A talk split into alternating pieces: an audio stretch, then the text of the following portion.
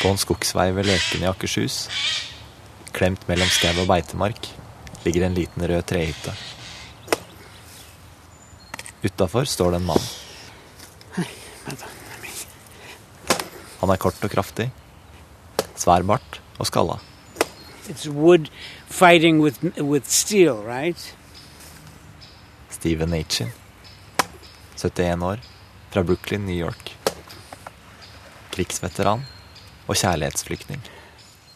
When I first moved here, I used to spend seven months chopping wood uh, because the place wasn't insulated.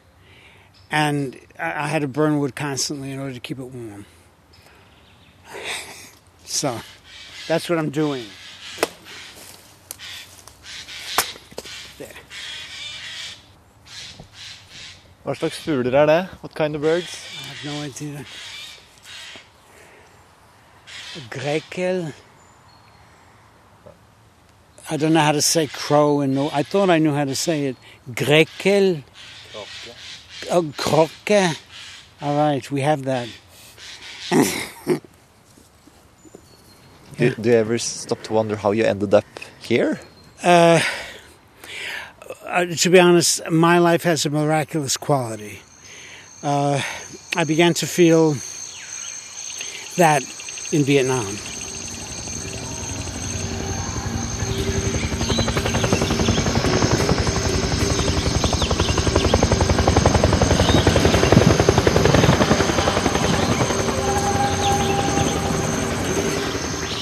My code name was 32 November.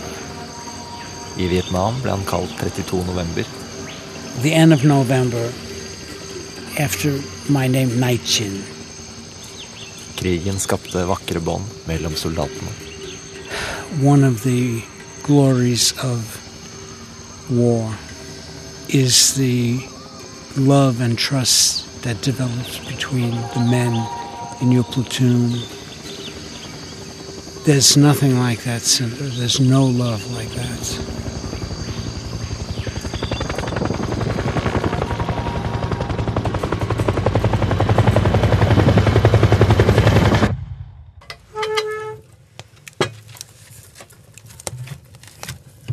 Hytta har verken innlagt vann eller strøm.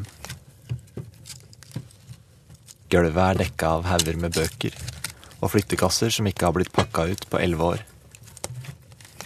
This wood has been drying all year. It, takes a beautiful flame. See? Overalt står det halvbrente stearinlys. Yeah. Det knitrer og kravler i krokene. I have a mouse here. Do you know where it Oh no, who cares? It'll go away. you see, this is the thing about Vietnam veterans. We like to be alone. We need to be alone. We need our own space. And this place is perfect for me. Hvordan Steven endte opp her, og hva han opplevde i krigen, snakker han helst ikke om. Folk som ikke har vært i krig, forstår ikke. Det første de spør om, er hvor mange han har drept. The reason that we don't like to talk about Vietnam is because ordinary people do not understand this. And you don't want to see ordinary people's reactions because their reactions are on such a low level that it's horrifying. Talk about Vietnam, they want to know how many people you killed. Like it's table talk, you know. It's like something that you, you want to just tell a stranger how many people I killed. And that's the only thing that they have on their minds. Did you kill someone? How many? Selv vil han aldri glemme det de opplevde i Vietnam. I skyttergravene, tett på hverandre. Because it was an extraordinary experience to be in combat, to help people, to be close to people, to be in a trench in a three day bombardment. Imagine how close you become to the person next to you.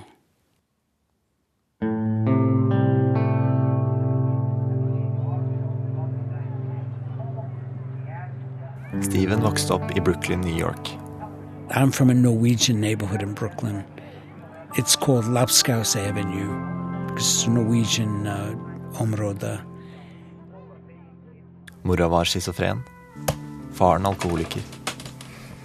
I've told people that um, Vietnam was like an extension of my childhood um, because it had the same quality of uh, terror and horror with violence and the possibility of uh, death every day. Faren hadde kjempa i andre verdenskrig. Very violent. And I think it was uh, hard for him to come back and find a one year old uh, baby boy that was a center of attention. På sommeren ble Steven stengt inne og slått og mishandla. And other times, um, I had to sit in a chair all day, and he would fly into a rage and kick me in the shins with his uh, shoes. Unbelievable pain. Alt Steven eide, ble ødelagt. I remember once I did buy a hamster. En gang drepte faren kjæledyret hans. My father took it and stamped it to death against the street, against the curbstone. Nabojenta var hans eneste venn. We used to have these horrifying conversations. What we would have to do to be loved. We talked about that. Hva må til for å bli elsket? She would have to get braces on her teeth. And I thought that I would have to um, give my life on the battlefield Steven tenkte at han måtte dø på slagmarken. to be loved, to be respected, to be worthy of something.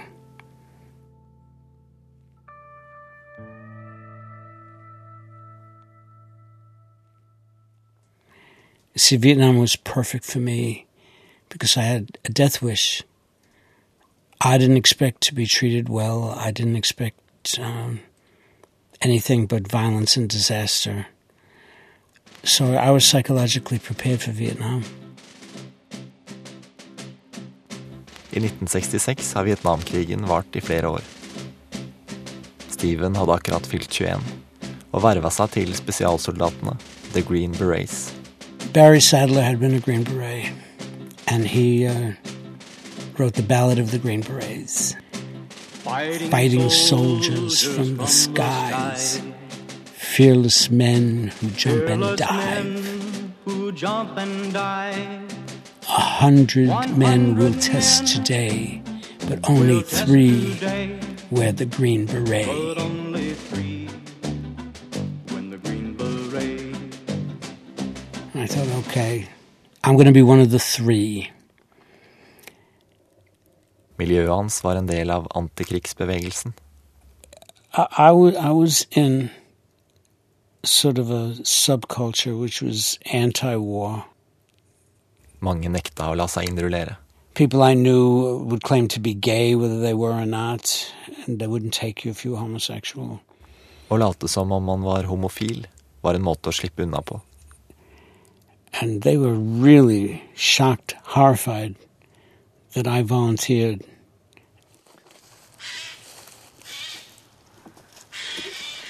See, this is an old path here.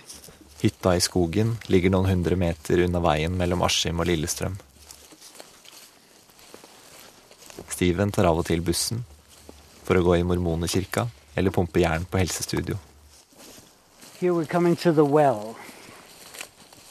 Mellom trærne foran oss ligger det en brønn. Steven har med seg en bøtte. Have you made this? Huh? Have you made the well? No, th- that well has been here it's for a hundred years or more. It's a very famous spring. I let my bucket down like this. See? And then I push it under with the stick. And see it fills up.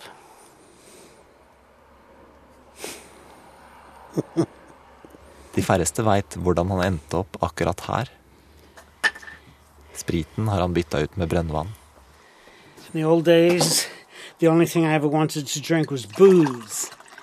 Now, now I drink well water.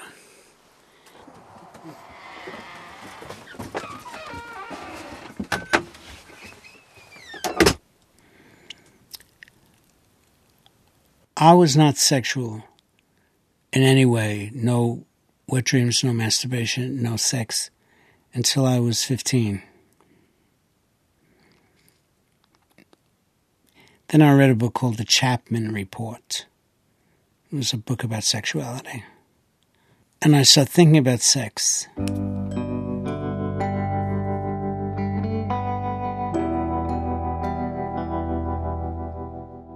Da Steven var 15, fikk han sin seksuelle oppvåkning. And there was this boy in my Sunday school En vakker gutt på søndagsskolen. that I thought was uh, sexy and handsome. So thinking about him and thinking about, I thought to myself, I wonder what it would be like to masturbate. Because I had never. So I did. My, my, my. What an extraordinary experience that was. And my first thought was, here in your wretched life, there is this magnificence.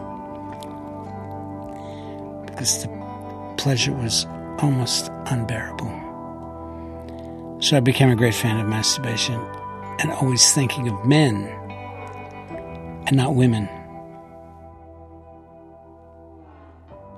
Da Steven vokste opp, var det utenkelig å være annerledes.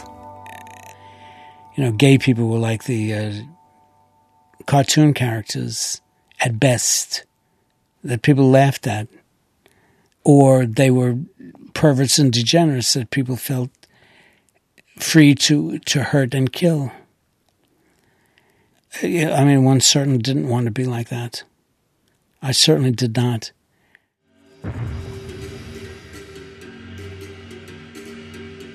Innrullert i militæret bestemte Steven seg for å bli feltlege. So to um, be a medic in the special forces. Idet han sendes til Vietnam på våren 1968, har nordvietnamesiske Viet Cong starta tettoffensiven. Flere steder var de amerikanske styrkene på retrett. when we reached Vietnam, the plane came under fire. So it's that I didn't have to wait for my Vietnam experience to begin after a while. It began immediately while I was still in the air. Steven ble sendt inn i jungelen ved Mekong-deltaet, der en liten gruppe spesialsoldater trengte en feltlege. Leiren var omringa av høye fjell. Mountains with names like Nui Jai, Nui Koto, Nui Sam, Nui Tram, Nui Badin. Han fikk ansvaret for 950 sørvietnamesiske soldater og 23 amerikanske spesialsoldater. I was their doctor. I was the only medic down there. So you could imagine um, the impact of that situation on a 22 year old uh, man. I leiren fantes et samlingshus der det ble servert hamburgere og øl. built with uh, the metal roof and metal sides, På radioen får de inn amerikansk musikk. country and western songs by Loretta Lynn. Der møter Steven lederen for spesialsoldatene. Den høye og mørke kapteinen. He was 26 years old. He was tall, dark, and handsome. Very brave soldier. Was captain. And um, I got an intense feeling of attraction to him. Sensation I did not know what it was. I had never had it before. He lights the flame of desire and makes me want him.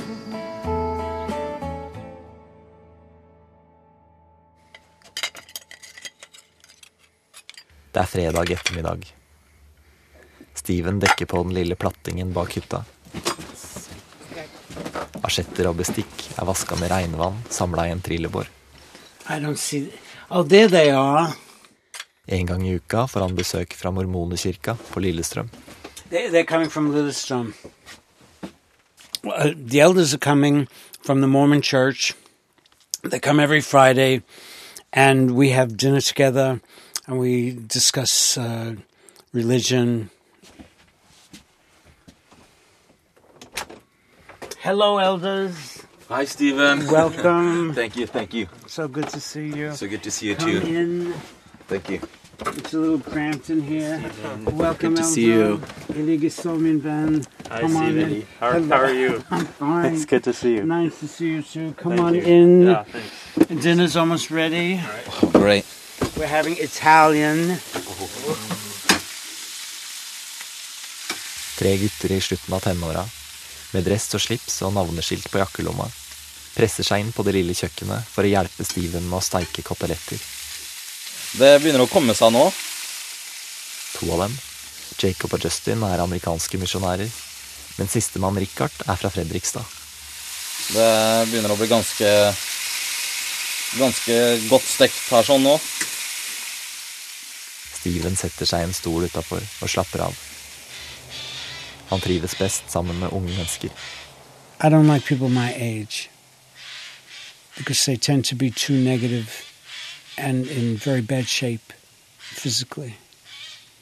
I like younger people because they're optimistic, and they're healthy, and they are, uh, let's face it, less uh, negative. They're more hopeful. Jeg møtte Steven eh, her for første gang eh, min første dag på misjon.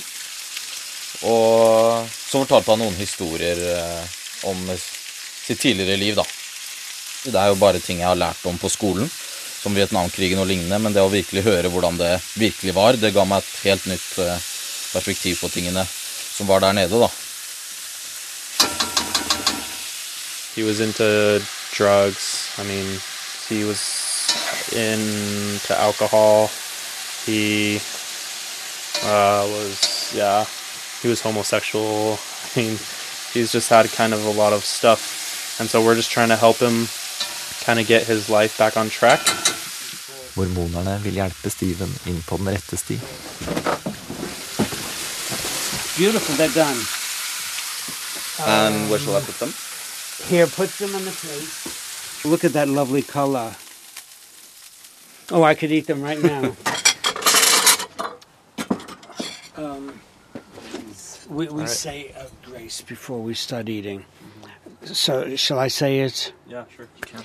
Bless us, O Lord, and these thy gifts, which we are about to receive of thy bounty, through Christ our Lord. Amen. Hold these, please. Steven, did you get any? Did you get drugged while you were in Vietnam? It's like asking, is the Pope Catholic? Does a bear shit in the woods? yes, uh, Elder, I did. In fact, I was walking high. Under Vietnamkrigen var det veldig vanlig at soldatene dopa seg. Um, let me ask you this. Here, I know that you have not ever had a drink, you've not used drugs.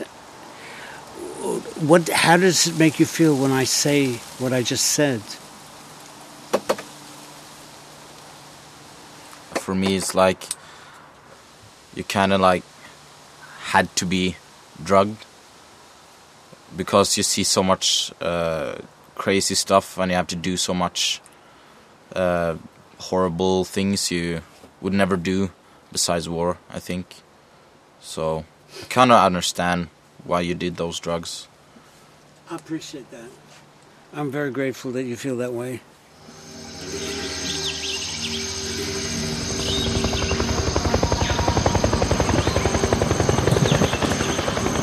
I never shed a tear in Vietnam. I never did. I leiren var Steven den eneste feltlegen. Og med landsbyboerne rundt hadde han ansvaret for 20 000 mennesker. I used to see 200 people a day on the average.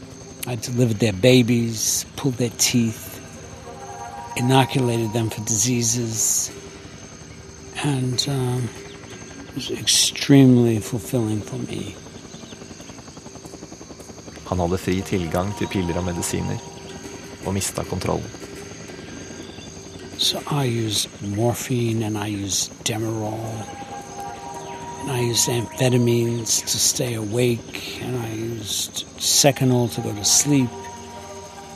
And so I became, you know, a polydrug junkie.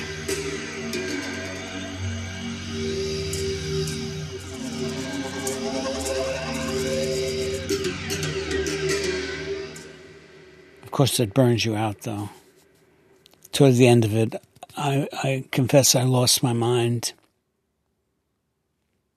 Noen måneder etter at Steven ankom leiren, slo amerikanerne tilbake mot Viet Cong og bomba dem ut av fjellene. Det var store tap på begge sider. 950 casualties, Americans and Vietnamese. And I was the one who received these bodies from helicopters.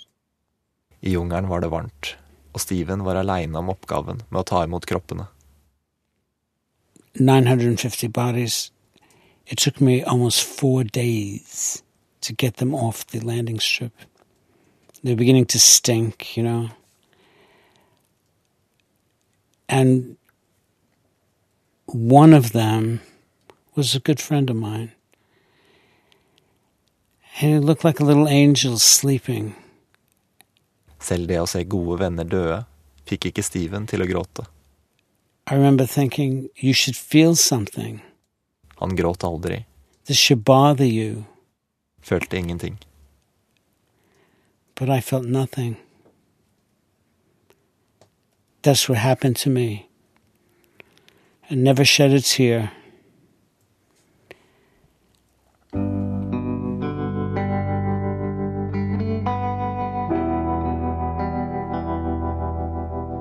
Kveldene falt på, tok Steven på seg vietnamesisk sarong og var sammen med kapteinen.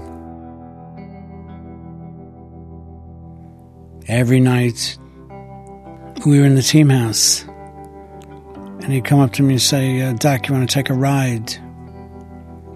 I'd say, sure. We'd go out, get on his motorcycle, and take a ride. With my arms around his waist, like a girl, like a woman.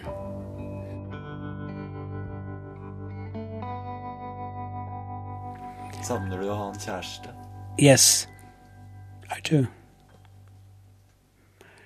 But I don't know what to do about it.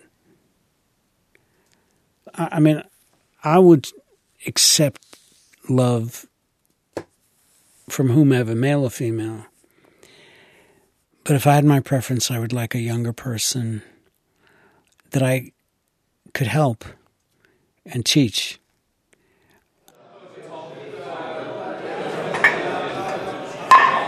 This is an incline bench press.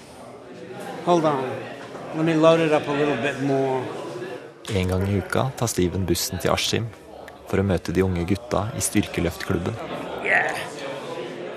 Rundt han vagger vektløfterne i singlet og trikot. To, tre, fire, fem, seks, syv, åtte, ni, ti Å, fy faen. 71 år gamle Steven skiller seg ut blant de unge karene. Look at this guy. Those triceps. Mange er svære som kjøleskap. Guys that look like refrigerators with hair. I dag skal det være vektløfterstevne. Steven møter kameraten Alexander. You're not going to compete today? Yes, I am. I'm in, but this is just a part of the training. Okay. Yeah. Alexander er en av de sterkeste i klubben og har tatt Steven godt imot. I'm a little bit sore in the muscles in my left uh, breast muscle, but I'm We to work on you a little bit. Steven tilbyr seg å gi litt massasje. Where's it here? here. yeah. Right, it's here. Okay. Man, this feels so good. Yeah, no, I think you're gonna make it. I think so.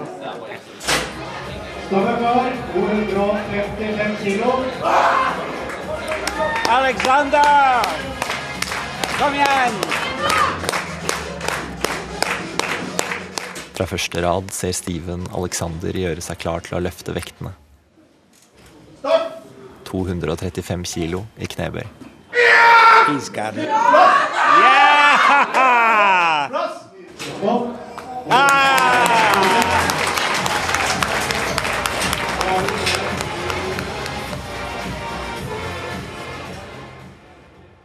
My commander and I were very close. And anytime he went on uh, these operations, he would take me with him. Steven og kapteinen pleide å dra på oppdrag sammen. We were on an operation to remove a nest of snipers from the top of a mountain. En dag skal de ta ut en gruppe vietnamesiske skarpskyttere fra toppen av et fjell. And the way we did this was to walk down the valley in their range and to try to draw fire so we could locate them, call in the gunships, and blast them out and kill them. We marched across the rice paddies. We came under fire. We took cover. De søker dekning i en leirgrøft mellom risplantene. You you see them, the rounds hitting at your feet. You you hear them through the vegetation. Ch, ch. Kapteinen vil at Steven skal løpe ut på stien for å tiltrekke seg skudd. Over radioen tilkaller han gunships, angrepshelikoptre. And my commander had the uh, the radio. He said to me, "Okay, Doc, I want you to run across the paddy and draw rounds while I call in the gunships." I didn't think. You see, that's the thing about combat. You don't think. You don't reflect. You don't uh, wonder. You just do. You move. I gave him a dirty look. I got up and I ran. Steven hopper ut av grøfta og løper i sikksakk over rismarkene. Sort of weaving, you know, from side to side. And I thought, this is the end. And I ran so hard that my belt flew open and my pants fell down. So I dived behind a bush. There was a red ant hill. Med buksa nede, i en maurtue, hører Steven kulene suse rundt hodet. I'm talking about Cambodian red ants. I mean, these. And I thought, oh my God, what on earth have I gotten myself into now? Han børster bort maurene, drar på seg buksa og løper videre. They were so close to me. They were hitting my my boots. if you could imagine.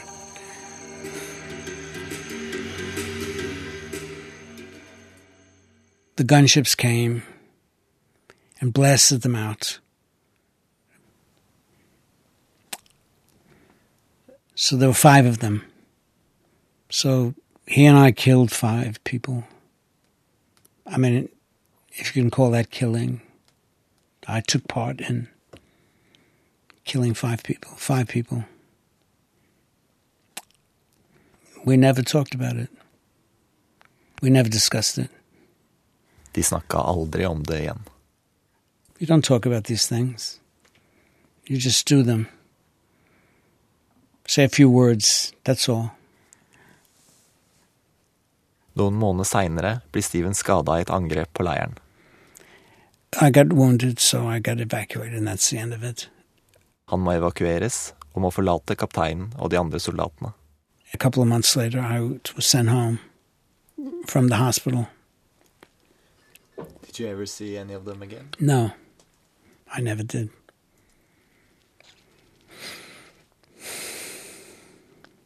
Steven så aldri sin store kjærlighet igjen. We loved each other.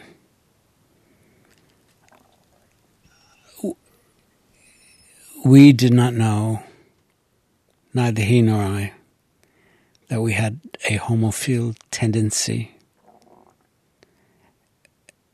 which you see is normal for all men and comes out in all male company when you're together and you have to rely on one another.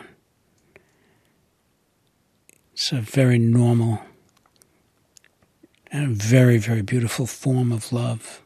I have to say that. It's not a perversion, it's nothing dark about it, nothing evil about it, nothing wrong. It comes out and it's there. And some of us are more courageous about admitting it than others.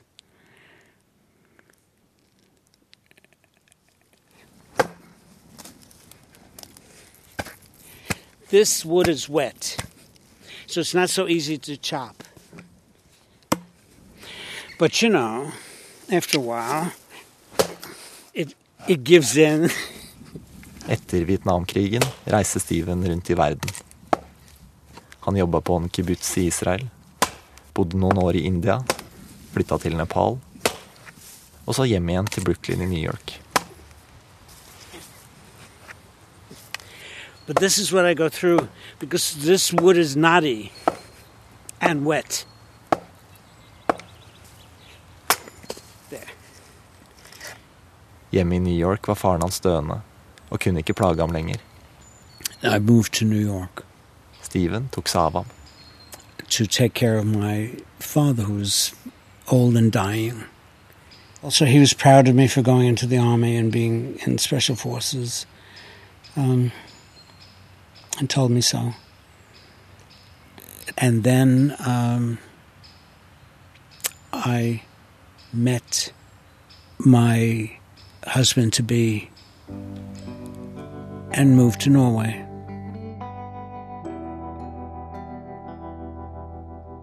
I 1991 er Steven på en bar på Manhattan. It was Ty's Bar on Christopher Street. It's a gay bar, I lokalet er det rundt 50 menn. and everyone was dressed in black except one man. He was wearing a white shirt. And we started talking. I looked at him and I said, You are Norwegian. And he laughed and he said, I don't know how you know that, but I was adopted by a Norwegian family. And yes, I am Norwegian and live in Norway.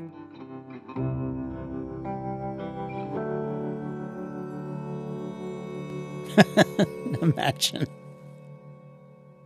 Den norske mannen besøkte fetteren sin, som bodde rett over gata for Steven.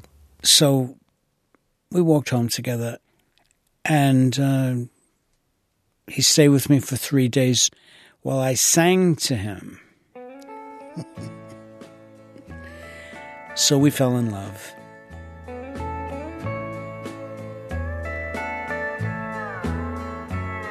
I see him as he wakes as he wakens in the morning. in the morning. He reaches out his hands and without a word, as his fingers softly fall upon my face, he lights the flames of desire and makes me want him. It's one of my favorite songs. Noen uker seinere flytter Steven til kjæresten i Norge, og i 1993 gifter de seg her som det sjette homofile paret etter at den nye partnerskapsloven har tredd i kraft. Ekteskapet varer i åtte år, og de skilles som venner. I 2004 kjøper Steven den lille skogshytta og flytter inn. And I'm very fortunate to be here. I love it here. I've been here for 11 years. So I couldn't be happier. It, it worked out just fine. Looking back on your life, can you reflect a little bit about what love has uh, meant and what love has been in your life?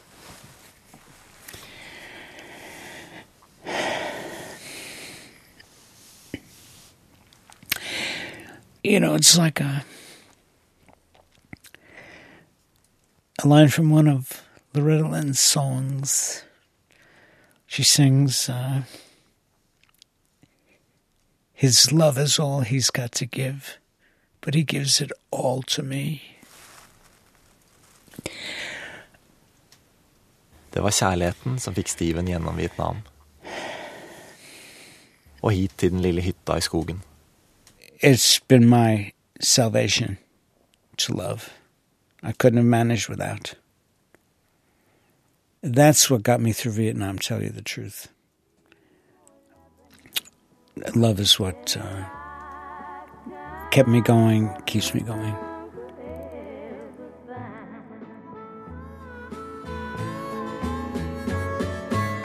And love is the foundation we lean on. All you need is love to ease your mind. And does it have to be right to be called love? When he gives me more loving than a lifetime of looking could ever find.